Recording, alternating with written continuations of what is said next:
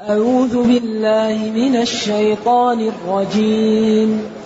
بسم الله الرحمن الرحيم. فمن حاجك فيه من بعد ما جاءك من العلم فقل تعالوا. فقل تعالوا ندع أبناءنا وأبناءكم ونساءنا ونساءكم وأنفسنا وأنفسنا وأنفسكم ثم نبتهل فنجعل لعنة الله على الكاذبين إن هذا لهو القصص الحق وما من إله إلا الله وإن الله لهو العزيز الحكيم فإن تولوا فإن الله عليم بالمفسدين الحمد لله الذي أنزل إلينا أشمل كتاب وأرسل إلينا أفضل الرسل وجعلنا خير أمة أخرجت للناس. فله الحمد وله الشكر على هذه النعم العظيمة والآلاء الجسيمة. والصلاة والسلام على خير خلق الله وعلى آله وأصحابه ومن اهتدى بهداه. أما بعد فإن هذا المقطع هو يعني سبب نزول كثير من هذه السورة. وفد نجران لما جاءوا ودعاهم محمد صلى الله عليه وسلم.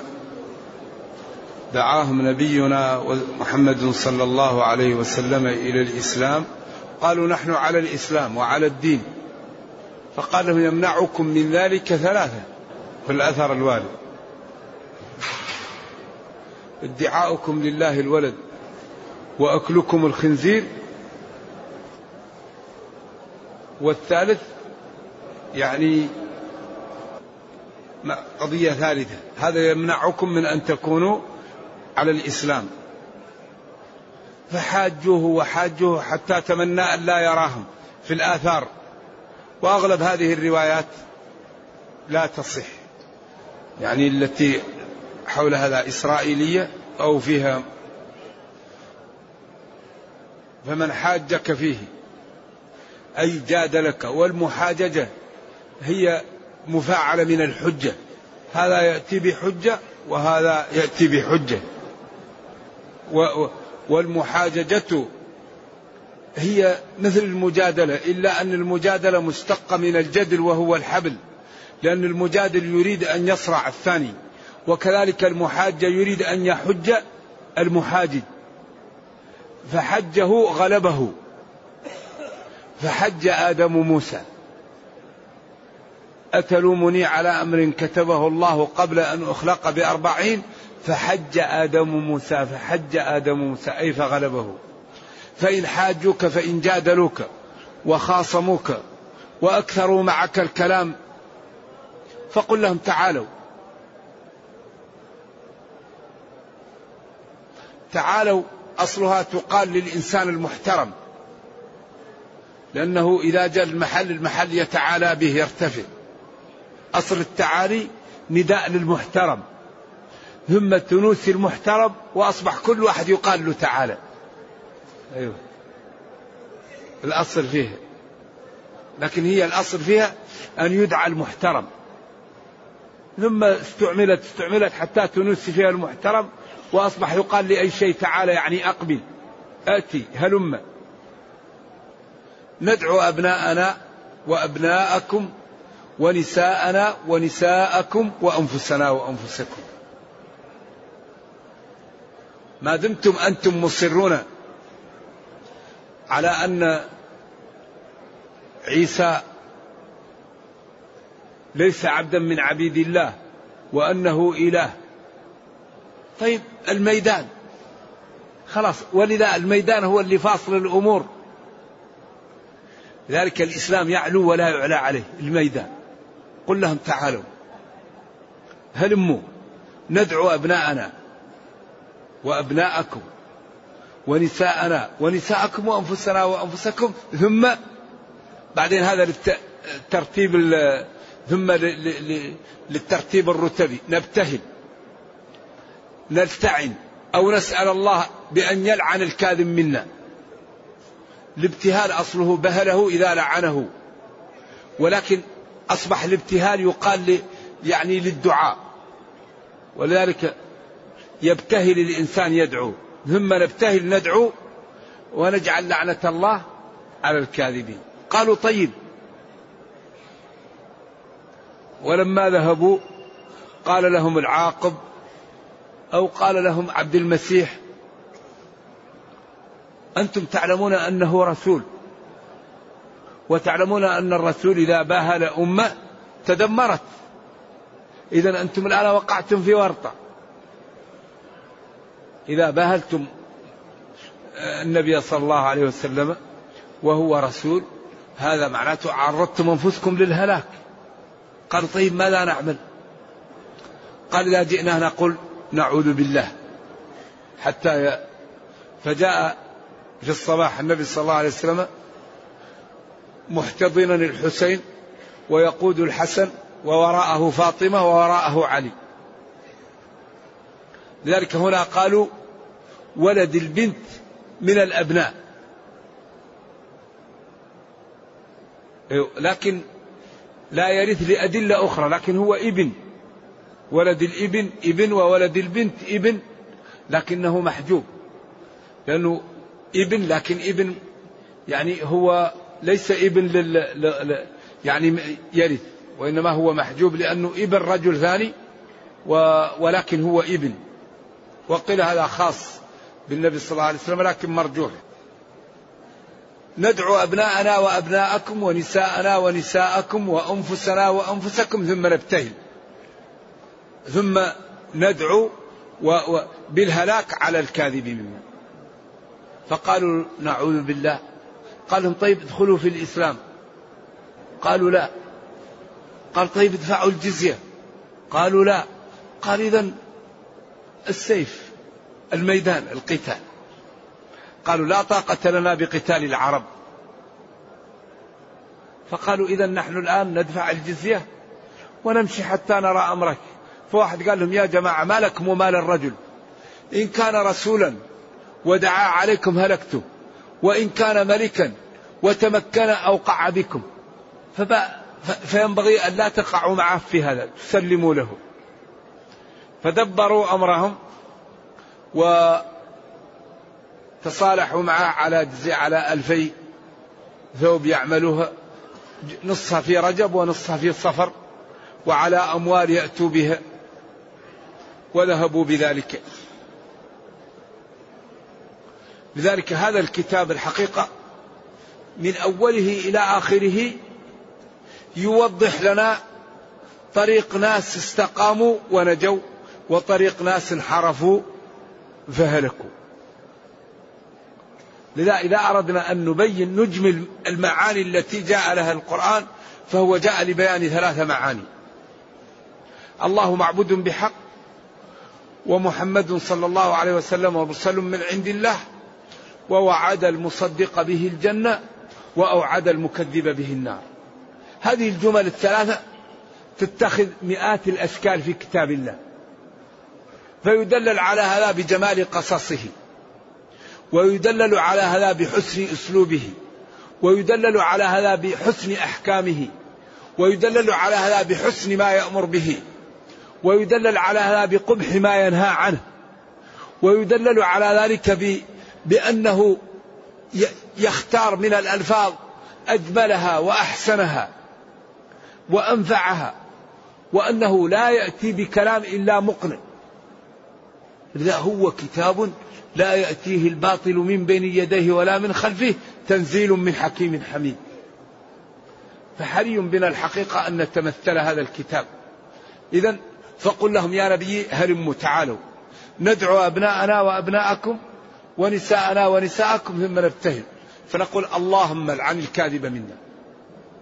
فخافوا وعدلوا عن المباهلة ودفعوا الجزية وتركوا ذلك. ثم قال جل وعلا إن هذا الذي تلوته عليك يا نبي لهو القصص الحق. إن حرف توكيد ونصر هذا اسمها. لهو الق... لهو القصص يمكن جملة معترضة. الحق هو الخبر. أو إن هذا اسمها. ولهو القصص جملة من مبتدأ وخبر والمبتدأ والخبر مخبر عن هذا. إن هذا الذي تلوت عليك لهو عين. القصص هو ما يقص من الأخبار وما يحكى. الحق الذي لا وراء وراءه. ثم قال وما من إله إلا الله. إذا عيسى ليس بإله. والسماوات والأرض قامت على هذه الجملة. وما من إله إلا الله. وهذه الجملة هي التي بينها القرآن بجميع أشكال البيان. وما من إله إلا الله. فالله بين أنه هو المعبود بحق وأن غيره لا يعبد بأشكال من البيان ومن الأساليب لا يعلمها إلا الله. فاعلم أنه لا إله إلا الله واستغفر لذنبك. ثم بين ذلك لما قسم الناس في أول سورة البقرة إلى ثلاثة طوائف. مؤمن وكافر ومنافق وأعطى كل طائفة صفاتها الكاشفة وجزاءها. هدى للمتقين الذين يؤمنون بالغيب. إلى, قال إلى أن قال أولئك على هدى من ربهم وأولئك هم المفلحون. إذا أعطى للمتقين صفاتهم وأعطاهم جزاءهم. وبين هل هذا الحال أو معهم جماعة؟ معهم جماعة ما صفاتهم. إن الذين كفروا موارد العلم محجوبة. إن نارك وعدمه بالنسبة لهم سواء. لماذا؟ لأن موارد العلم مختوم عليهم. ختم الله على قلوبهم وعلى سمعهم وعلى أبصارهم غشاوة. ما جزاؤهم لهم عذاب عظيم. ثم هل الحال أو معهم جماعة؟ معهم جماعة. ما صفاتهم؟ يعلنون الإيمان ويبطنون الكفر. وأسهب فيهم القرآن وبينهم وفضحهم وأتى بالأمثلة الكثيرة. ومن الناس من يقول وباليوم الآخر وما هم بمؤمنين. بعدين بين وضرب لهم مثلين. مثلهم كمثل الذي استوقد نار أو كصيب من السماء. وأعطاهم جزاءهم. ثم نادى الطوائف الثلاثة. يا أيها الناس يا أيها الناس يا مسلمون يا منافقون يا كفار. جميع. بعدين أتى بأول أمر في المصحف اعبدوا ربكم. اعبدوا ربكم هو حظ الإثبات من لا إله إلا الله وما من إله إلا الله. اعبدوا ربكم. وأحدث تساؤل ضمنيا. وذكر أمورا لا يقدر عليها إلا الله. ثم أتى بأول نهي في المصحف وهذا معنى لا إله إلا الله مفرقة بأدلتها عن طريق الإقناع والإنصاف. ثم جاء بعد ذلك ببرهان محمد رسول الله عن طريق الإنصاف وعن طريق مخاطبة العقول النيرة والأحاسيس الجياشة. إذا ديننا دين قائم على الإقناع وعلى البراهين وعلى أسس ما هي قابلة إلا للتسليم.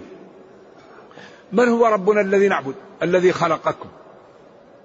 الخلق هذا هو لغز الحياة لغز العبادة لغز القدرة. الذي لا يخلق لا يستحق العبادة. ولذلك ربنا قال فمن يخلق كمن لا يخلق. وقال يخلقكم في بطون أمهاتكم. خلقا من بعد خلق في ظلمات ثلاث. ذلكم الله ربكم له الملك. لا إله إلا هو فانى تصرفون أين تذهب عقولكم عن هذه القدرة الباهرة وهذه الحجة؟ ولذلك أكبر دليل على الخالق هو الخلق. أكبر دليل على المعبود هو الخلق. ولذلك قال وفي أنفسكم أفلا تبصرون. الأصابع. الأصابع سدها بماذا؟ بالأظافر الأصابع سدها بالأظافر وجعل الإبهام بعيد. حتى يمكن أن تعقد وتفك وتحل وتعمل الأشياء الدقيقة. وقال قادرين على أن نسوي البصمة. ليست البصمة لا. نجعل يده كيد البعير. نجعل أصابعه إيش؟ مقرونة. ما هي مفكوكة عن بعض. ما يقدر يكفتها ولا يمكن يعمل بها الأشياء. قادرين على أن نسوي بنانه. نجعل الأصابع كلها مستوية هكذا. ما فيها فصول بينها وقال نحن خلقناهم إيش؟ وشددنا أسرهم. وإلا يقال جرى فلان مسكين وسقطت رجله بالأمس. أو نام وسقطت أذنه وهو نائم سددنا أسرهم ما في واحد يجري ويسقط منه عضو. سددنا أسرهم وأعطاك عين عذبة تجم لك على قدر الحاجة. لو لم يكن تحت اللسان هذه العين العذبة لما تستطيع أن تبلع الماء الزبدة. قال علمه البيان. وجعل الكرش الضعيفة محروسة بالأعين. وأعطاك هذا الصبغ الأبيض والأسود وجعلها مليئة بمادة. وأعطاك الأذن هذه وجعل فيها مادة تنفر منها الحشرات. قدرة هائلة. وجعل لك ناس يحفظوك وأنت نايم. له معقبات من بين يديه ومن خلفه يحفظونه. ذلك والله قدرة هائلة. هائل هذا ال هذا ال هذا الرب. قدرته هائلة وهذا الكتاب معجز. ولذا حري بنا أن نعمل به وأن نتفهمه وأن نجعله دستورا لنا. خلقكم وخلق آباءكم وخلق السماء وخلق الأرض وأنزل المطر من السماء وأخرج النبات من الأرض. كل واحد من هذه لا يقدر عليه إلا الله. نزول المطر من خصائص الربوبية. قال في سورة الفرقان وأنزلنا من السماء ماء طهورا لنحيي به بلدة ميتا ونسقيه مما خلقنا أنعاما وأناسيا كثيرا ولقد صرفناه بينهم ليذكروا. يعلموا أن هذا من تدبير الخالق. بعض البلاد ما يأتيه ماء وبعض البلاد طول السنة الماء وبعضها يأتيه الماء في الموسم.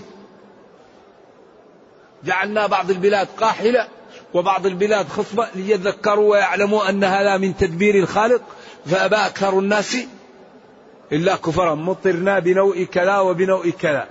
أصبح من عبادي مؤمن بي كافر بالكوكب. وأصبح من عبادي كافر بي مؤمن بالكوكب. أما من قال, من قال مطرنا بفضل الله ورحمته فذلك مؤمن بي كافر بالكوكب. وأما من قال مطرنا بنوء كذا وكذا فذلك كافر بي مؤمن بالكوكب. ثم قال فأخرج به من الثمرات رزقا لكم. إخراج الثمر من الأرض هذا لا يقدر عليه إلا الله. ولذلك قال انظروا إلى ثمره إذا أثمر وينعي. هذا لون أحمر وهذا لون أبيض وهذا لون أخضر. وبعدين تكون الأرض واحدة والماء واحد وبعض الطعم طيب وبعض الطعم غير طيب من أين جاءه التفريق؟ ذلك قال في سورة الرعد إن في ذلك لآيات لقوم يعقلون وفي الأرض قطع متجاورات. لا تنس قول الله متجاورات. ثم قال إلى أن قال تسقى بماء واحد. متجاورات حتى لا يقول هذا الأرض سبخة أو هذه الأرض غنية بالمواد العضوية. أو هذا الماء مالح ما يصلح. أو هذا الماء فيه ماء ميكر أو حشرات تأكل النبات. الأرض واحدة والماء واحد. طبعا والمناخ لازم يكون واحد. لأن ما دامت الأرض واحدة والماء واحد المناخ واحد. بعدين ونفضل بعضها على بعض في الطعم في الأكل. من أين جاء؟ ثم قال إن في ذلك لآيات لقوم يعقلون. من عنده عقل. إذا هذا الدين يرد على كل ملحد يرد على كل من لا يؤمن بأن هذا الكون أوجده الله وأنه هو المتصرف فيه. إذا تعالوا ندعو أبناءنا وأبناءكم ونساءنا ونساءكم وأنفسنا وأنفسكم. ثم نبتهل. نلتعن ونسأل الله أن يلعن ويهلك الكاذب منا. فالوفد خافوا ودفعوا الجزية. وبذلك علم صدق النبي صلى الله عليه وسلم. وعلم كذب النصارى لأنهم لو كانوا صادقين لباهلوا. وأنهم يعرفون أهل الكتاب الحق ولكنهم إيش؟ يكابرون. كما قال عن اليهود يعرفونه كما يعرفون أبناءهم. وإن كثيرا منهم لا, لا, لا, لا يعلمون لا يكتمون الحق وهم يعلمون. الحق من ربك. إن هذا الذي قصصته عليك يا نبي محمد صلى الله عليه وسلم لهو القصص الحق لهو الخبر المتلو المتبوع الذي يتلى عليك ولا وراء وراءه وما من إله إلا الله. لما بين هذه الأمور قال بعدها فلا تجعلوا لله أندادا. أي فلا تجعلوا لله شركاء والحال أنكم تعلمون أن المذكورات لا يقدر عليها إلا الله. ثم جاء ببرهان محمد رسول الله عن طريق الإقناع والإنصاف وعن طريق مخاطبة العقول النيرة والأحاسيس الجياسة. فقال جل وعلا وإن كنتم في ريب مما نزلنا على عبدنا فأتوا بسورة من مثله. ما قال فقد كفرتم. إذا دين قائم على التحدي.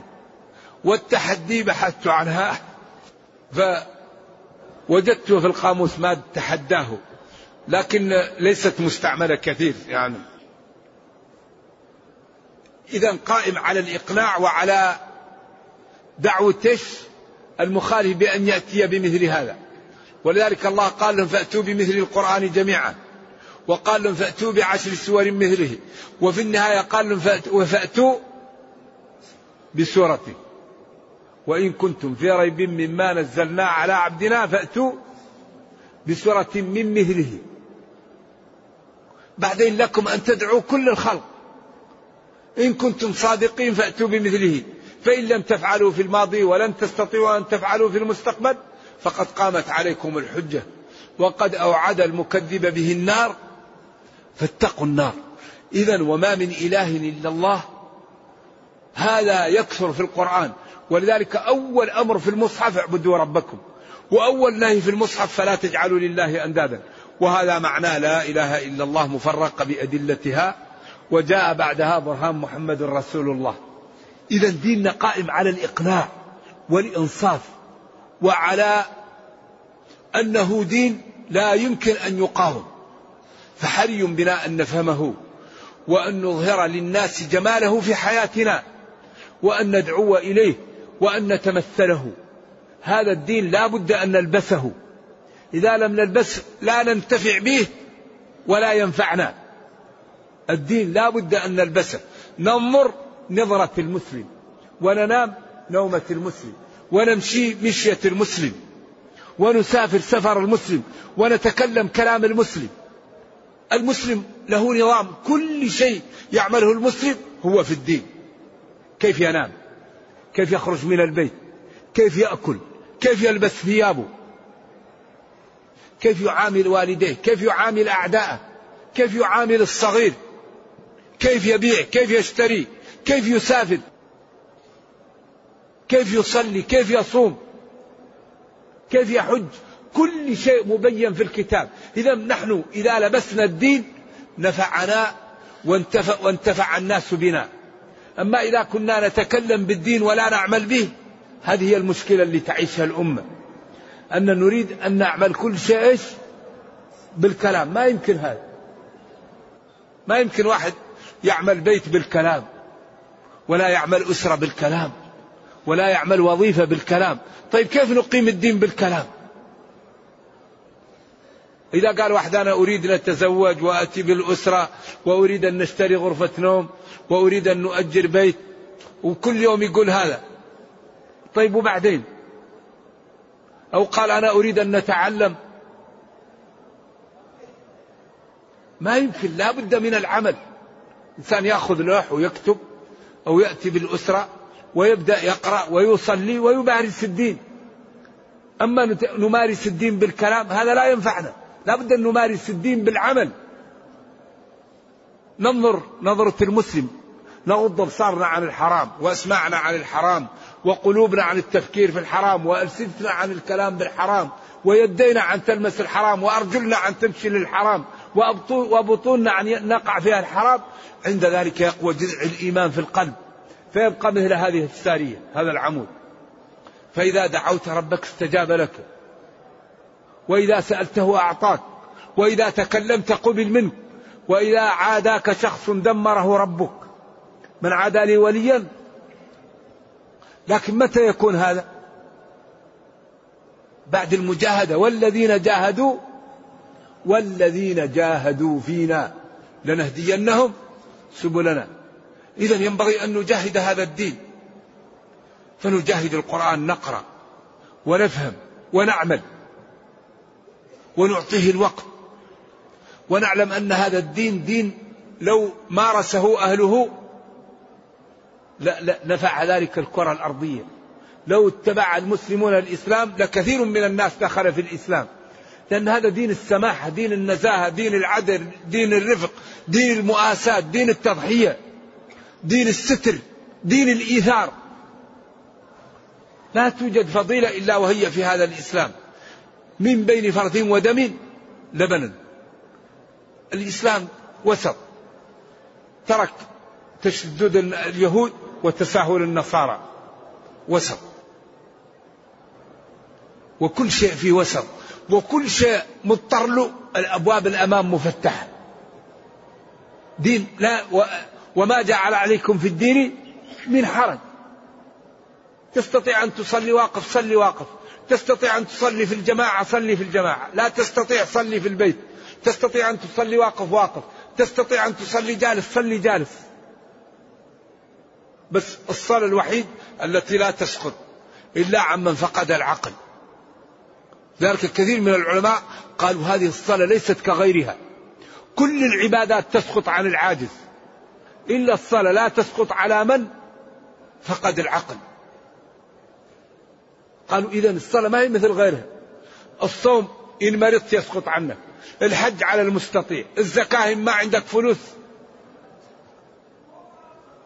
لكن الصلاة لحالها لا تسقط إلا عمن إيش؟ ذهب عقله. إذا الصلاة ما هي مثل غيرها. ولذلك من تركها فقد كفر.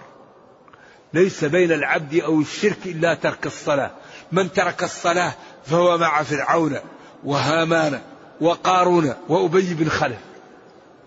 والتوسع في العبارة لا يؤكد. لذلك هذه الصلاة يعني ديننا دين والله عجيب يا مشايخ. لذلك حري بنا أن نعطيه الوقت. وما من إله إلا الله. وما من إله إلا الله. ما معبود بحق إلا الله. ولذا من هذه يعني تجعل نصف العموم بعدما ما من إله لا إله أبدا موجود إلا الله. وإن الله جل وعلا لهو العزيز الغالب. ما أراده كان الحكيم الذي يضع الأمور في مواضعها. وما دام الله هو الإله الوحيد وهو الذي أعطانا ما أعطانا وهو العزيز وهو الحكيم. فلما لا, لا نتجه إلى ربنا وندعوه ونعبده ونستقيم ونمتثل أوامره ونجتنب نواهيه فيصلح لنا دنيانا وأخرانا ويرفعنا في الدنيا ويرفعنا في الأخرى. إذا حري بنا أن نتمثل ديننا. لا بد من الاستقامة على الدين لمن أراد النجاة. النجاة النجاة تكون بالاستقامة. هذا الكتاب لا عذر لنا بعده. كتاب لا يأتيه الباطل. بين كيف أهل الجنة وأهل النار وكيف يساقون. وبين ما الذي يقال لأهل النار إذا أرادوا أن يدخلوها. كلما تقتضي التكرار. ألقي فيها فوج سألهم خزنتها. قالوا بلى. قد جاءنا نذير فكذبنا. ما قال قالوا بلى قد جاءتنا. هنا أظهر في محل الإضمار لخطورة دخول النار. وقال وسيق الذين كفروا إلى جهنم زمرا. حتى إذا جاءوها فتحت أبوابها. وقال لهم خزنتها ألم يأتكم رسل منكم يتلون عليكم آيات ربكم وينذرونكم لقاء يومكم هذا؟ قالوا بلى. ولكن حقت كلمة العذاب على الكافرين. قيل ادخلوا أبواب جهنم خالدين فيها.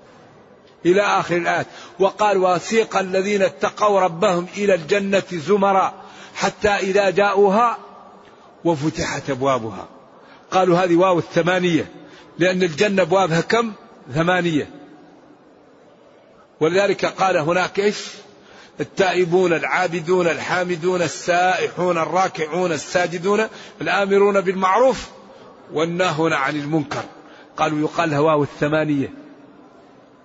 هنا وفتحت أبوابها وقال لهم خزنتها سلام عليكم طبتم فادخلوها خالدين. وقالوا الحمد لله وأورثنا الجنة نتبوأ من وأورثنا الأرض نتبوأ من الجنة حيث نشاء فنعم أجر العاملين. لا بد يا إخ لا بد أن نتنبه. لذلك هذا الكتاب كله ناس استقاموا فنجوا وناس انحرفوا فهلكوا. ويأتي يتكرر هذا. يتكرر يتكرر. وما من إله إلا الله. اعبدوا ربكم فلا تجعلوا لله أنداد. فمن يكفر بالطاغوت ويؤمن بالله. أشكال مختلفة. لذلك هذا الكتاب كتاب لا يصلح أن يقاوم. فلماذا لا نعتز بكتابنا؟ أنا الذي نشفق عليه مسلم. يعطيها الله أن يكون مسلما. ويفهم العربية ويروح يفسق ويتظاهر بالفسوق. والله الذي يكرمه الله بأنه يفهم العربية ويمكن أن يقرأ هذا الكتاب ويفهمه. كيف يتجمل بالفسوق؟ كيف يجعل الفسوق جمال؟ أين العقل؟ أين البصيرة؟ والذي يريد أن يتجمل بالفسوق يمنع نفسه من الموت. كيف إنسان عاقل أكرمه الله بالإسلام وبالإيمان وبفهم القرآن يتجمل ويتحسن أن يكون فاسقا. هذا نرجو الله أن لا يطمس بصائرنا ولذلك يقضى على المرء في أيام محنته حتى يرى حسنا ما ليس بالحسن. نرجو الله جل وعلا أن يرينا الحق حقا ويرزقنا اتباعه وأن يرينا الباطل باطلا ويرزقنا اجتنابه. وأن لا يجعل الأمر ملتبسا علينا فنضل اللهم إنا نسألك التقى والهدى والعفاف والغنى. اللهم إنا نسألك من خير ما سألك منه محمد صلى الله عليه وسلم وعبادك الصالحون. ونعوذ بك من شر ما استعاذك منه محمد صلى الله عليه وسلم وعبادك الصالحون. ربنا أتنا في الدنيا حسنة وفي الآخرة حسنة وقنا عذاب النار.